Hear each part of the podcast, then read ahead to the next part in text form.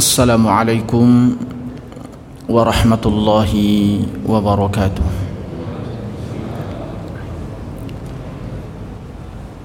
الحمد لله الذي خلق كل شيء فقدره تقديرا. وأتقن ما شرعه وصنعه حكمة وتدبيرا. أشهد أن لا إله إلا الله وحده لا شريك له. وكان الله على كل شيء قديرا. وأشهد أن محمدا عبده ورسوله. أرسله بشيرا ونذيرا وداعيا إلى الحق بإذنه وسراجا منيرا. وعلى آله وأصحابه وذريته أجمعين والتابعين ومن اتبعهم بإحسان إلى يوم الدين وسلم تسليما كثيرا. وقال الله تعالى في كتابه الكريم وهو أصدق القائلين والذين جاهدوا فينا لنهدينهم سبلنا وإن الله لمع المحسنين. وقال النبي صلى الله عليه وسلم بعدا لمن أدرك رمضان فلم يكفر له فقلت آمين Hadirin kaum muslimin dan muslimat, saimin, saimat, rahimani wa rahimakumullah. Mari kita pertama-tama kita memanjatkan puji dan syukur kehadirat Allah Subhanahu wa taala atas segala limpahan karunia dan rahmatnya kepada kita semua hingga alhamdulillah hari demi hari dengan berjalannya waktu ibadah kewajiban kita di dalam bulan Ramadan khususnya bisa kita selesaikan. Dengan harapan semua amal yang kita lakukan diterima oleh Allah Subhanahu wa taala.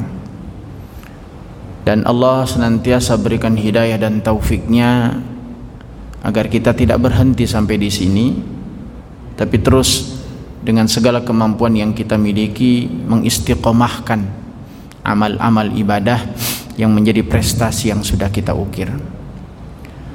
Salawat teriring salam semoga tercurahkan selalu kepada junjungan kita Nabi Muhammad sallallahu alaihi wasallam kepada seluruh para sahabat, para pengikut-pengikut beliau ila yaumil qiyamah.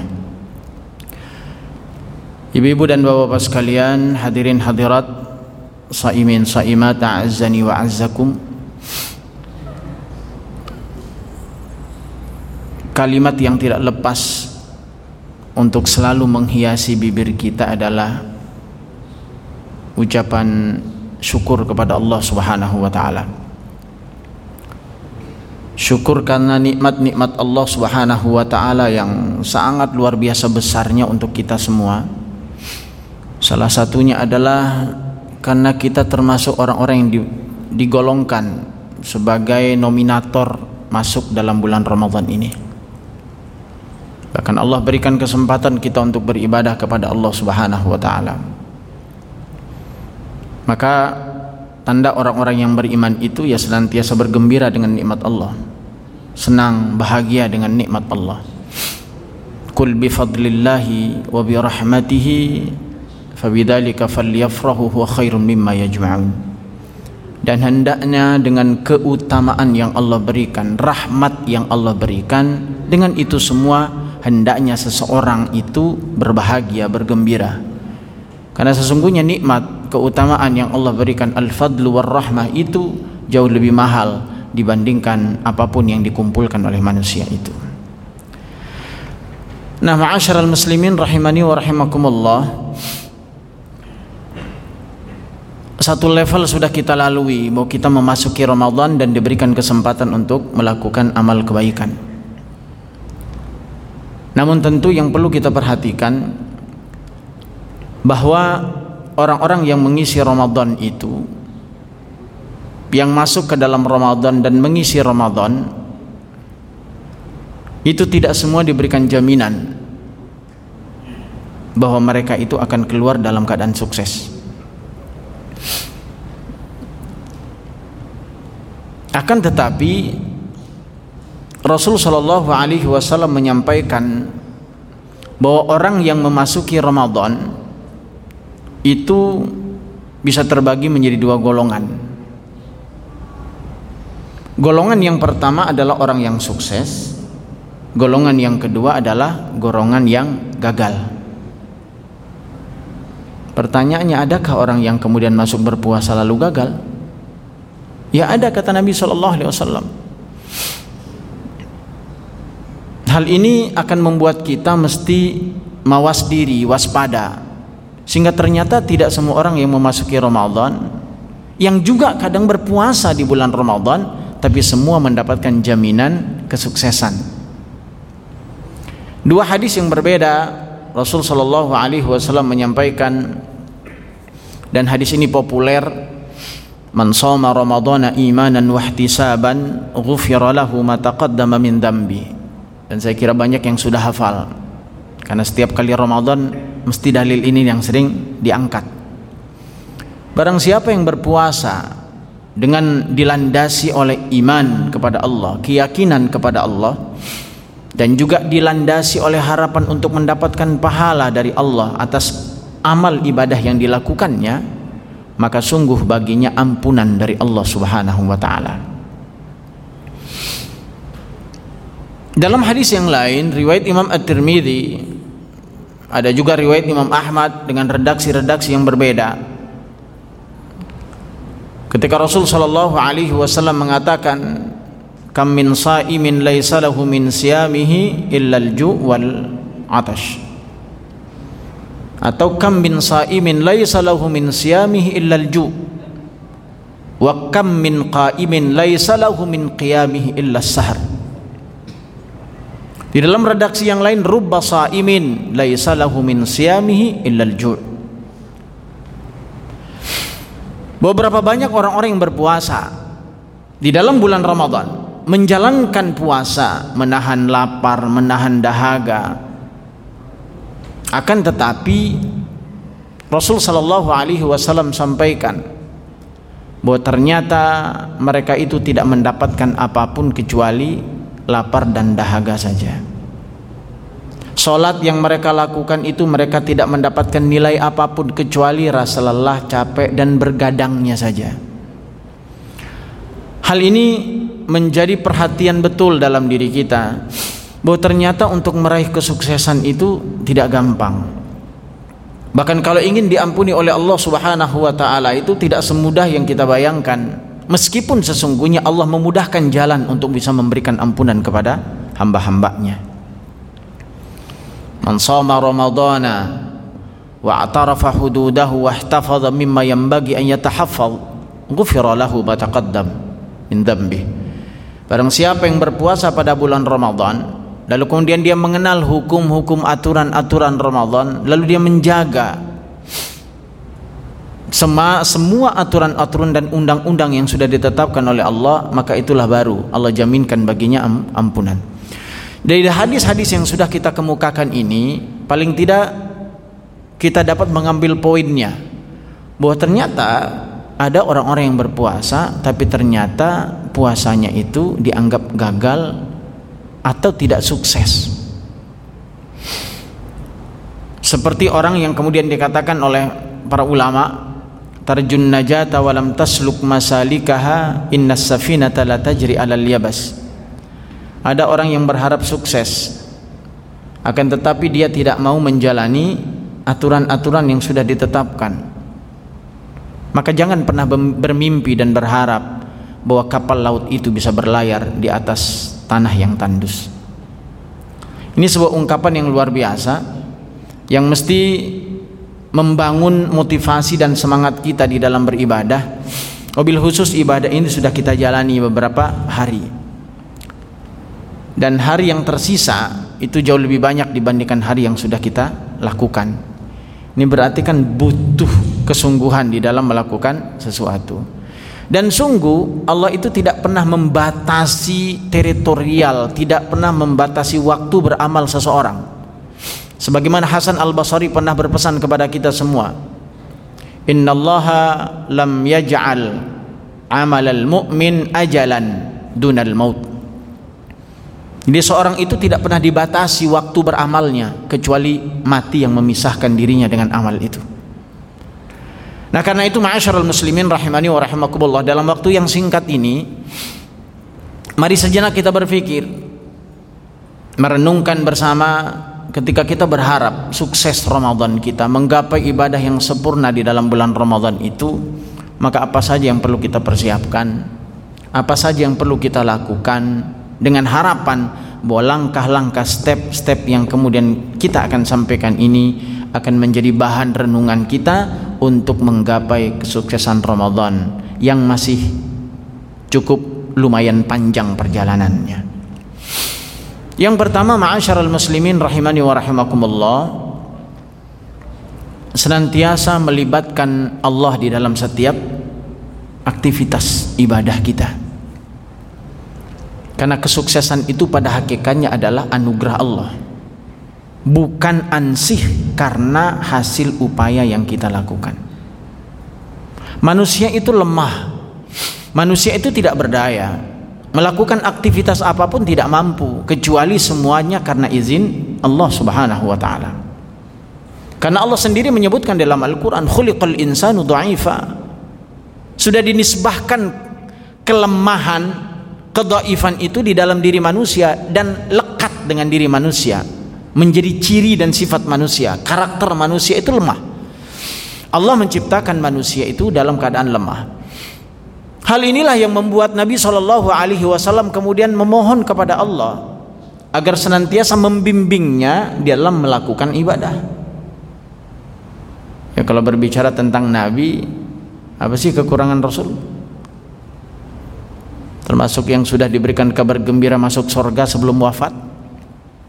Yang amal ibadahnya jangan tanya husnihinna wa tulihinna bagaimana panjangnya solat Nabi bagaimana indahnya solat Nabi hatta tafattarat qadamahu dalam satu riwayat sampai kemudian betis beliau kemudian bengkak dan telapak kaki beliau pun sobek. Disebabkan karena lamanya beliau berdiri di dalam solat belum lagi beliau ismah minad dunub. Diampuni dosa-dosanya dijaga oleh Allah Subhanahu wa taala dari segala kehinaan. Dan ini jaminan yang Allah berikan kepada Nabi Muhammad sallallahu alaihi wasallam. Akan tetapi sosok pribadi yang mulia, yang sempurna itu tidak pernah melepaskan Allah dalam setiap aktivitas, terlebih ketika beribadah kepada Allah Subhanahu wa taala. Ini kunci sukses maka di dalam beberapa hadis-hadis Nabi Shallallahu Alaihi Wasallam dengan aneka ragam doa-doa yang diajarkan oleh Nabi kepada kita, itu semua menunjukkan akan pengakuan diri Nabi tentang kelemahan, kedaifan dirinya. Allahumma inni as'aluka fi'lal khairat wa tarkal munkarat.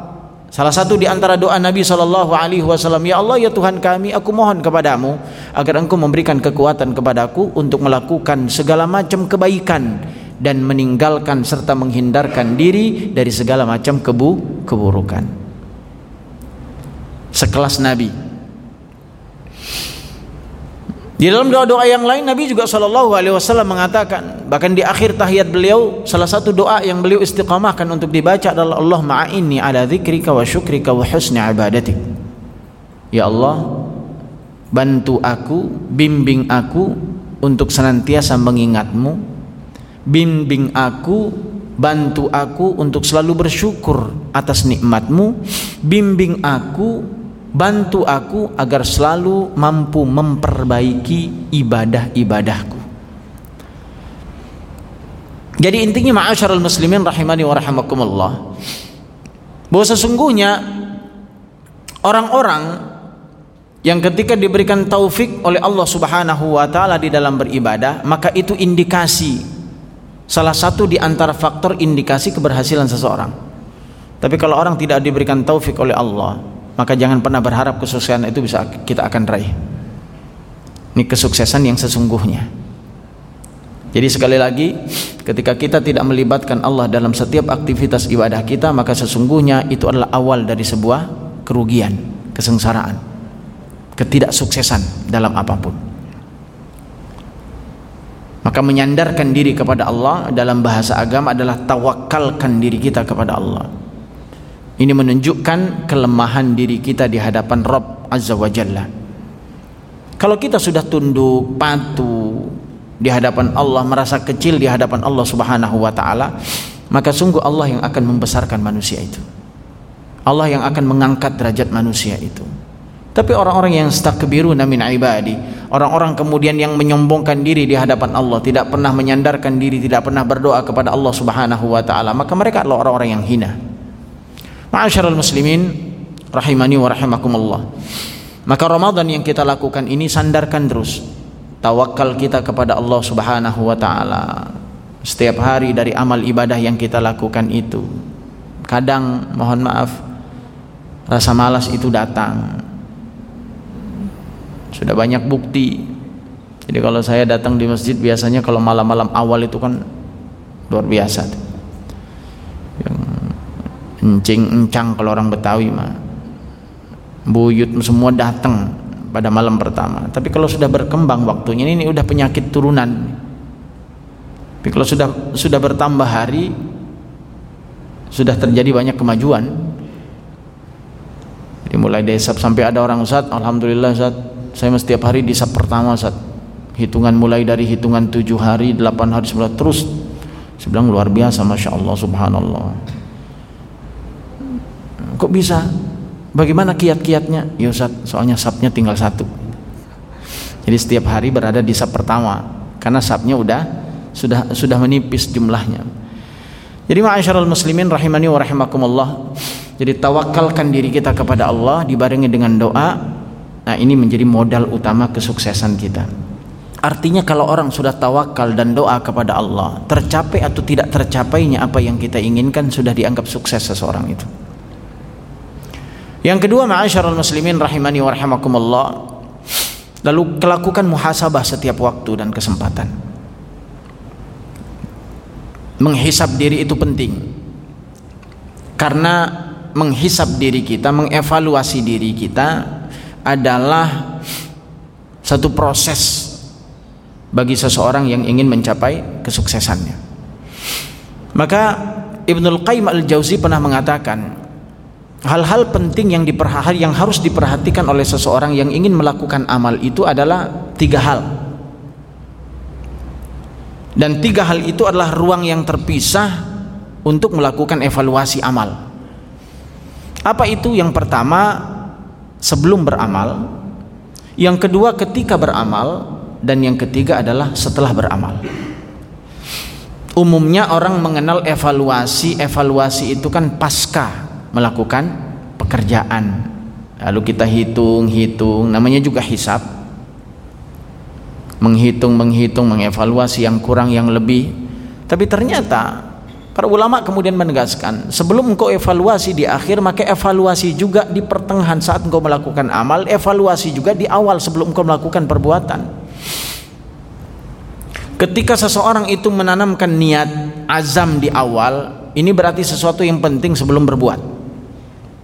Kekuatan batin, kekuatan hati kita untuk melakukan amal itu menjadi satu kekuatan besar Ya, termasuk di dalamnya adalah tawakal dan doa itu. Itu fase awal sebelum beramal.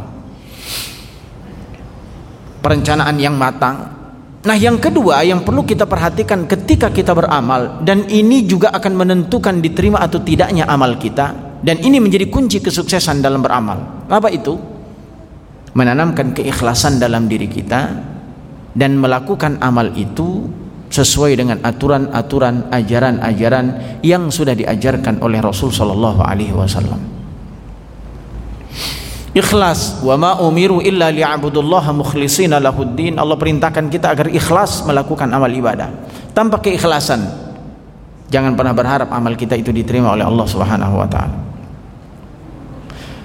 Maka tanda sebuah keikhlasan itu bahwa ternyata amal-amal ibadah itu bukan hanya sebatas rutinitas ritual saja tapi tanda keikhlasan kita kepada Allah itu bahwa ibadah itu adalah kebutuhan.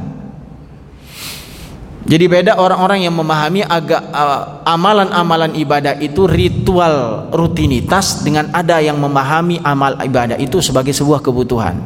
Maka sugestinya, motivasinya pasti berbeda. Nah kalau orang-orang yang ikhlas itu nggak akan pernah mundur, nggak akan pernah, nggak akan pernah senantiasa menghindari rasa malas dalam dirinya, akan terus memompa dirinya karena tujuan kehidupan, tujuan ibadahnya itu hanya tertuju kepada Allah Subhanahu wa taala. Cacian makian itu enggak enggak berpengaruh di dalam dirinya. Dan yang kedua adalah mutaba'atul rasul mengikuti Rasul sallallahu alaihi wasallam. Ini kesuksesan. Ya. yang ketiga pasca ibadah. Pasca ibadah itu yang perlu kita tanamkan adalah istighfar kepada Allah dan bersyukur kepada Allah apa kaitannya antara amal ibadah kesuksesan dengan syukur serta istighfar kepada Allah Subhanahu wa taala teringat satu kisah Fatu Mekah ketika Nabi Shallallahu Alaihi Wasallam mampu menaklukkan kota Mekah. Saat sebelumnya penantian Nabi dan para sahabat-sahabat untuk dapat melakukan penyebaran agama, wabil khusus untuk mampu menguasai kota Mekah itu kan tidak semudah yang dibayangkan. Sampai kemudian dalam surah Al-Baqarah 214 pun Rasul bukan hanya sahabat Rasul pun sempat kemudian mengutarakan kalimat pertanyaan kepada Allah mata nasrullah Allah ala inna nasrullahi karib bahwa ketahuilah sesungguhnya pertolongan Allah itu sudah dekat. Hingga Allah akhirnya mengabulkan permohonan dan usaha yang dilakukan oleh Nabi hingga mendapatkan satu kado istimewa terjadinya Fatu Makkah.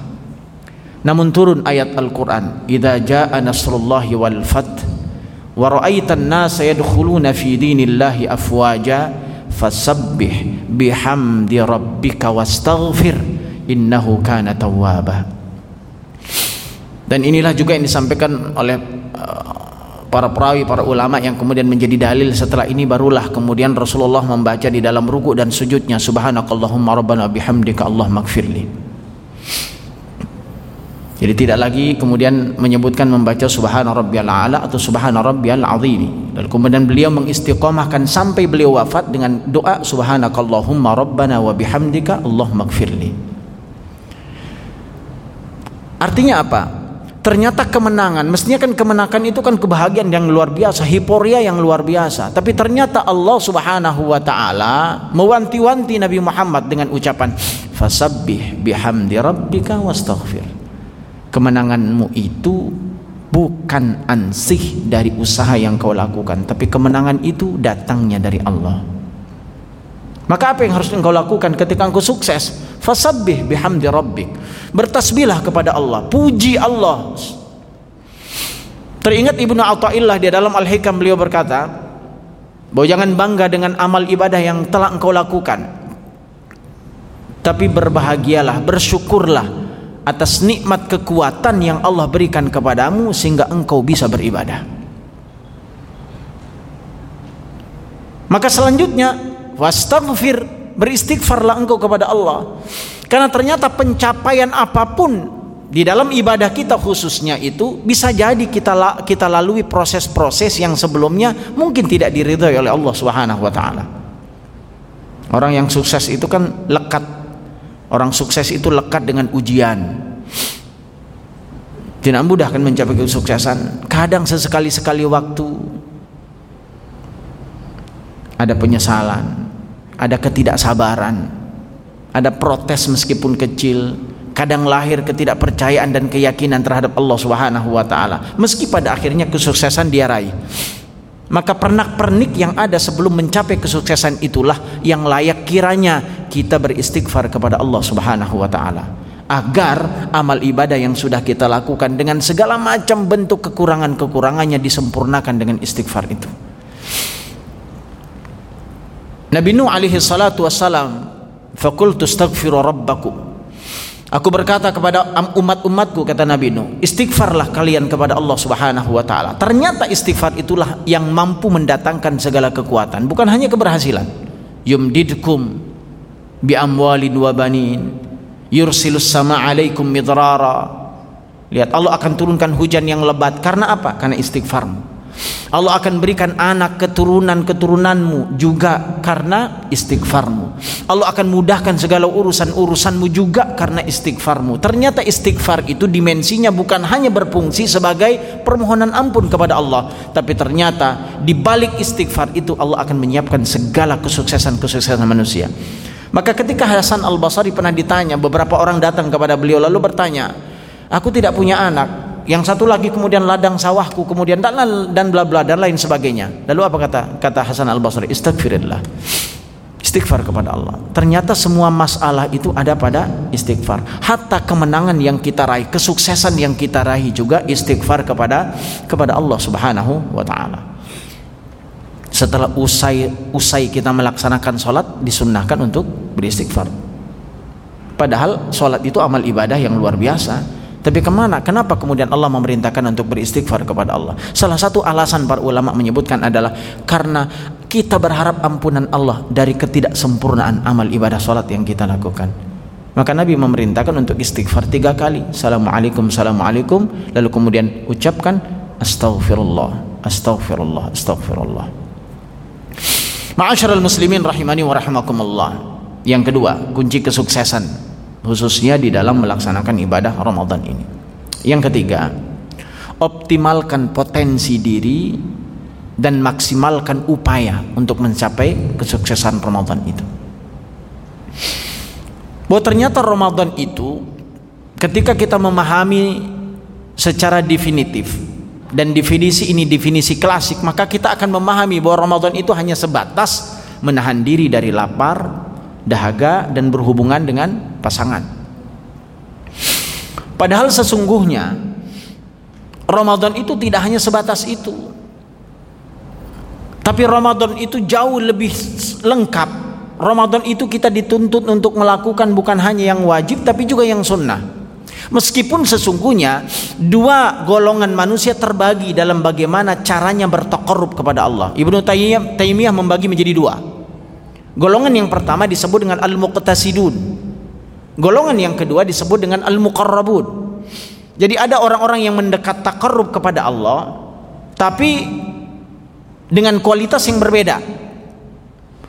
Jelas penilaian Allah pencapaiannya juga bisa berbeda. Al-Muqtasidun itu dalam pandangan Ibnu Taimiyah adalah mereka orang-orang yang mendekati Allah dengan menjalankan perintahnya dan menjauhi larangannya sebatas itu. Ada orang yang melaksanakan yang wajib dan menjauhi yang diharamkan oleh Allah. Kalau orang hanya melaksanakan sebatas itu maka mereka digolongkan al-muqtasidun. Tapi ada nggak orang-orang yang memiliki kualifikasi yang berbeda di atasnya? Ada. Mereka adalah al-muqarrabun.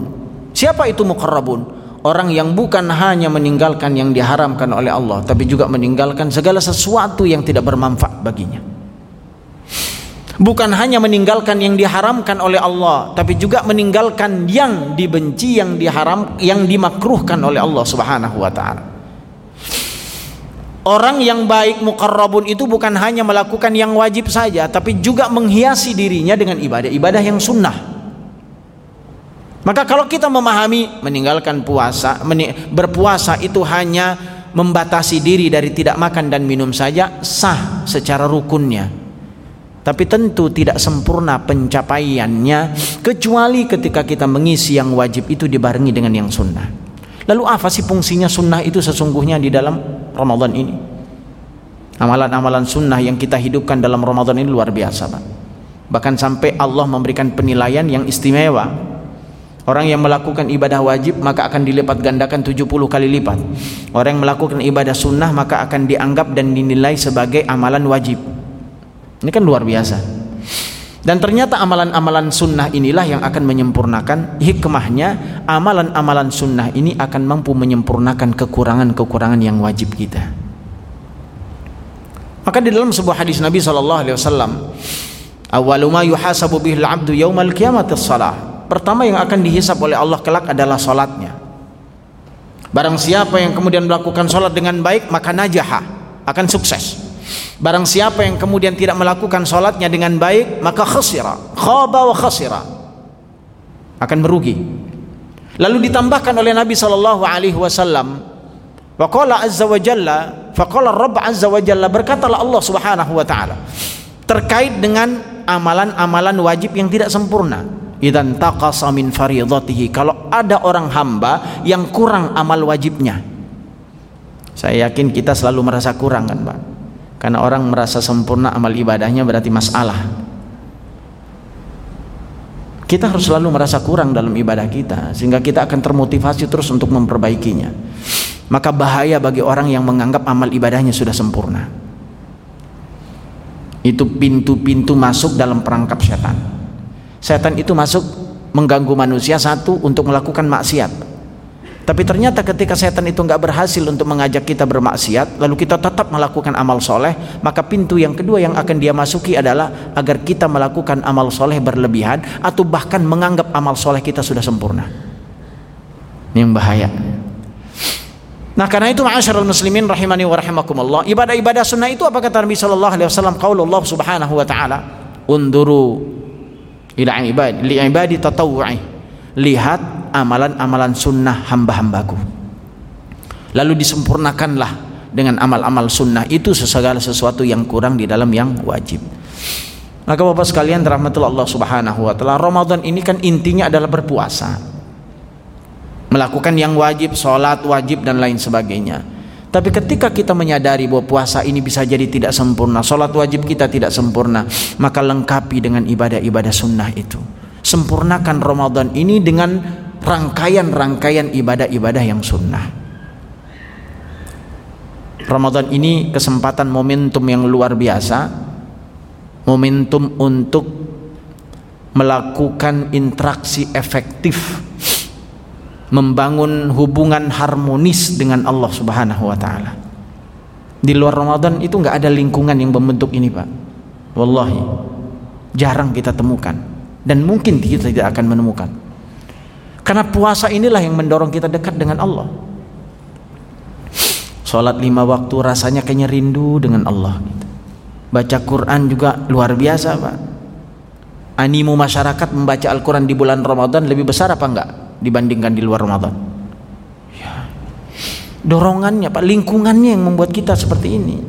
Maka sayang kira-kira kalau seandainya lingkungan yang sudah terbentuk seperti ini kalau kita tidak manfaatkan dengan maksimal mungkin siap tahu ini adalah Ramadan terakhir bagi kehidupan kita kita nggak tahu ini adalah kado istimewa terakhir yang Allah berikan kepada kita dan di sinilah Allah berharap bahwa aku akan siapkan ampunan untuk kalian semua jika kalian menghargai kado istimewa yang aku berikan ini tapi merugilah bagi orang-orang yang tidak menghargai kado istimewa yang Allah berikan. Maka momen kita mendekatkan diri kepada Allah itu di sini. Bukankah kita berharap cinta Allah? Kalau kita berharap cinta Allah, apa yang mesti kita lakukan? Salah satu hadis Nabi sallallahu alaihi wasallam sebagaimana sabda Allah Subhanahu wa taala, firman Allah Subhanahu wa taala, "La yazalu 'abdi yataqarrabu ilayya bin nawafil hatta uhibbu." Dan jika seandainya hamba-hambaku itu selalu meningkatkan kualitas amal ibadah sunnahnya, maka itulah akan menjadi kunci. Aku akan mendatangkan cintaku untuknya. Dan tahukah kita ketika Allah sudah mencintai hambanya, apa yang terjadi? Tangan kita adalah tangannya Allah. Mata kita adalah matanya Allah, kaki kita adalah kakinya Allah, pandangan kita adalah pandangan Allah. Artinya apa? Bukan berarti bahwa semua itu secara fisik dimaknai, tapi secara spiritual. Kalau secara fisik berarti al-halaj yang menganggap Tuhan itu ada dalam dirinya dan bahkan menganggap dirinya sebagai Tuhan. Tapi ternyata orang-orang yang orang yang dicintai oleh Allah itu akan dikasih taufik kepada Allah, dimudahkan segala urusannya. Ketika dia akan bermaksiat, Allah akan datangkan peringatan kepadanya sehingga dia meninggalkan maksiat itu. Dan itu buah dari ketaatan kepada Allah Subhanahu wa taala. Maka karena itu ma'asyiral muslimin rahimani wa rahimakumullah, bahwa amal-amal sunnah di bulan Ramadan ini intensitas kedekatan kita kepada Allah itu semakin luas. Kalau dulunya mungkin hanya sekedar ibadah puasa meskipun amal ibadah ini juga mesti kita istiqomahkan kontinuitas di luar Ramadan. Tapi paling tidak Ramadan ini membentuk pribadi-pribadi yang luar biasa, peningkatan spiritualnya yang luar biasa, peningkatan kesadarannya juga luar biasa. Nah, maka Ramadan ini saatnya kita membangun, memperbaiki keretakan-keretakan hubungan kita dengan Allah memperbaiki jembatan-jembatan yang rusak Karena jembatan rusak itu kan susah juga untuk sampai ke tujuan. Tapi kalau kita benahi jembatan-jembatan yang retak, yang rusak, maka sesungguhnya itu akan menjadi jalan kemudahan untuk hubungan kita dengan Allah Subhanahu wa taala. Tadarus Al-Qur'an, bersedekah itu kan bagian dari sunnah yang semuanya itu akan mampu memenuhi kekurangan-kekurangan yang yang wajib. Nah, ma'asyiral muslimin rahimani wa rahimakumullah, jika kita mengoptimalkan semua upaya-upaya kekuatan-kekuatan di dalam menjalankan dan mengisi bulan Ramadan ini, maka mudah-mudahan kita berharap itu menjadi langkah-langkah kreatif, langkah-langkah efektif agar kita menggapai kesuksesan dan kesempurnaan ibadah di bulan Ramadan. Ya. Yang selanjutnya, ma'asyiral muslimin rahimani wa rahimakumullah upaya yang kita lakukan agar kita mampu menggapai prestasi kesuksesan di bulan Ramadan ini adalah dengan membentengi diri kita dari segala hal yang merusak ibadah puasa. Jadi jangan hanya konsentrasi meningkatkan kualitas amal tapi tidak memperhatikan hal-hal yang dapat merusak amal. Ada orang yang ibadahnya rajin, Pak tapi hasad dengkinya nggak habis-habis. Benci sama kesuksesan orang nggak suka kalau orang lain naik. Itu kan problem itu. Padahal kita nggak sadar pak. Ibadah yang kita lakukan itu bisa habis nilainya. Disebabkan karena beberapa faktor-faktor yang akan menggerus nilai-nilai amal itu. Iyakum wal hasada kata Rasulullah fa innal hasada ya'kulul hasanat kama ta'kulun nar al hatab hindari diri sifat-sifat dengki kepada orang lain. Enggak suka kebaikan kepada orang lain. Kenapa? fa innal hasada ya'kulul hasanat karena kedengkian itu akan memakan kebaikan. Apa yang diumpamakan dianalogikan oleh Nabi?